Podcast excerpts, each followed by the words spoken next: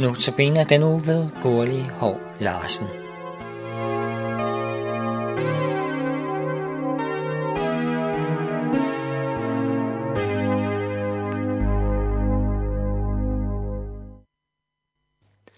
Trosvidner i opvæksten. Allerførst vil jeg nævne, at jeg er vokset op i et hjem, hvor mine forældre var aktivt troende kristne mennesker. Hvilket vil sige, at der blev læst fra Bibelen, andagtsbøger og anden kristen litteratur, såsom børnebøger, børnebibler og kristne fortællinger. Der blev bedt til Gud og talt om tro, og hvad det vil sige at regne med en åndelig virkelighed i det nære, konkrete hverdagsliv.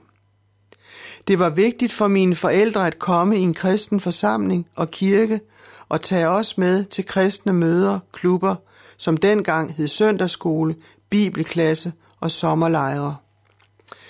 Mine forældre var på den måde de første trosvidner i mit liv.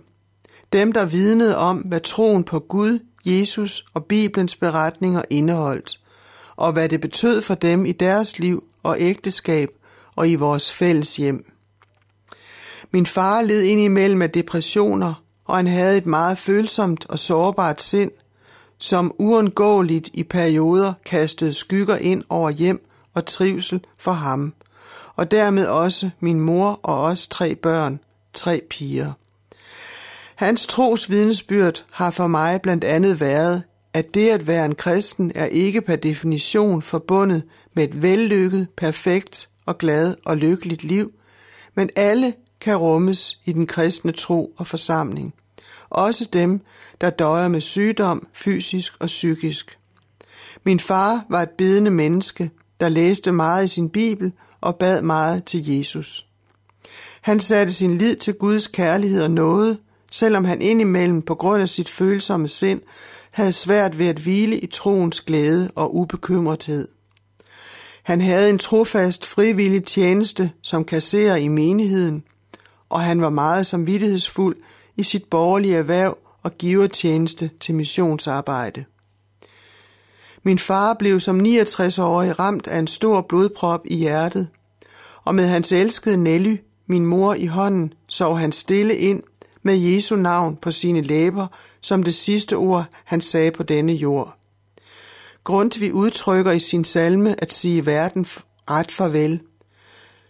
Kom i den sidste nattevagt, i en af mine kæres dragt, og sæt dig ved min side, og tal med mig som ven med ven, om hvor vi snart skal mødes igen og glemme alt vor kvide.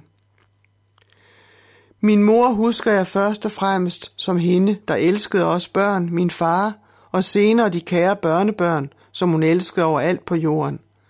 Hun havde et særligt godt øje til børn.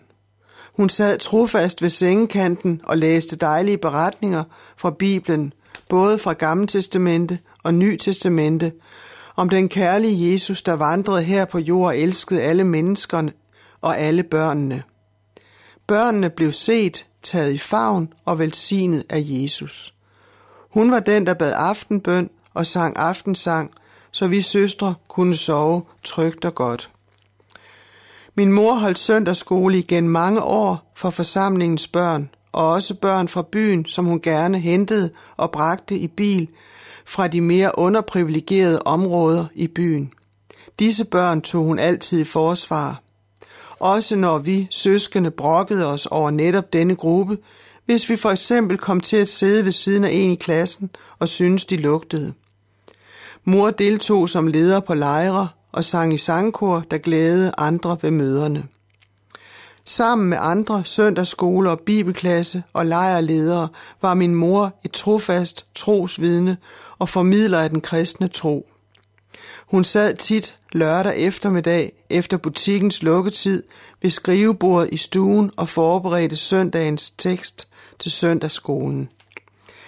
Af andre ledere husker jeg især den altid varmt smilende, øjenkontakt søgende og trofaste lejrleder Ella, der fortalte for os, legede med os og sang Bred dine nådes vinger for os og med os på køjesalen på Hemmet Strand sommerlejr, hvorefter trygheden bredte sig mellem køjerne, Og senere oplevede vi, at såvel Ella som hendes mand Sifred altid så os og spurgte interesseret til os, når de mødte os, efter vi var flyttet hjemmefra.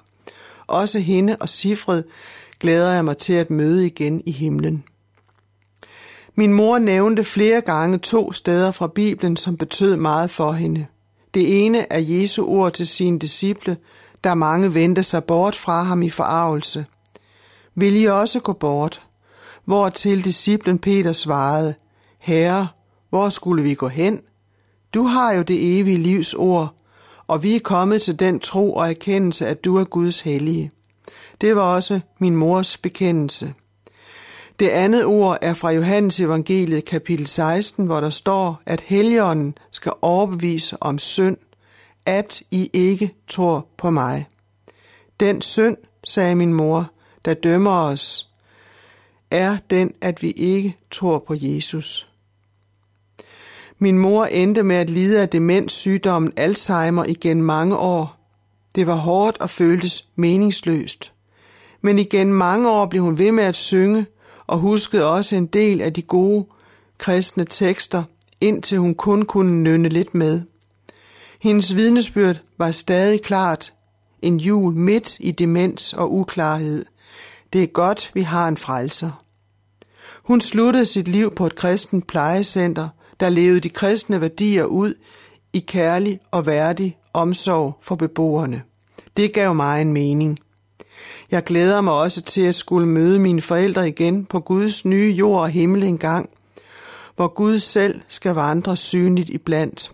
Han skal forvandle vort ufuldkommende læme og give det samme skikkelse som hans fuldkommende læme ved den kraft, som har gjort ham til herre over alle ting.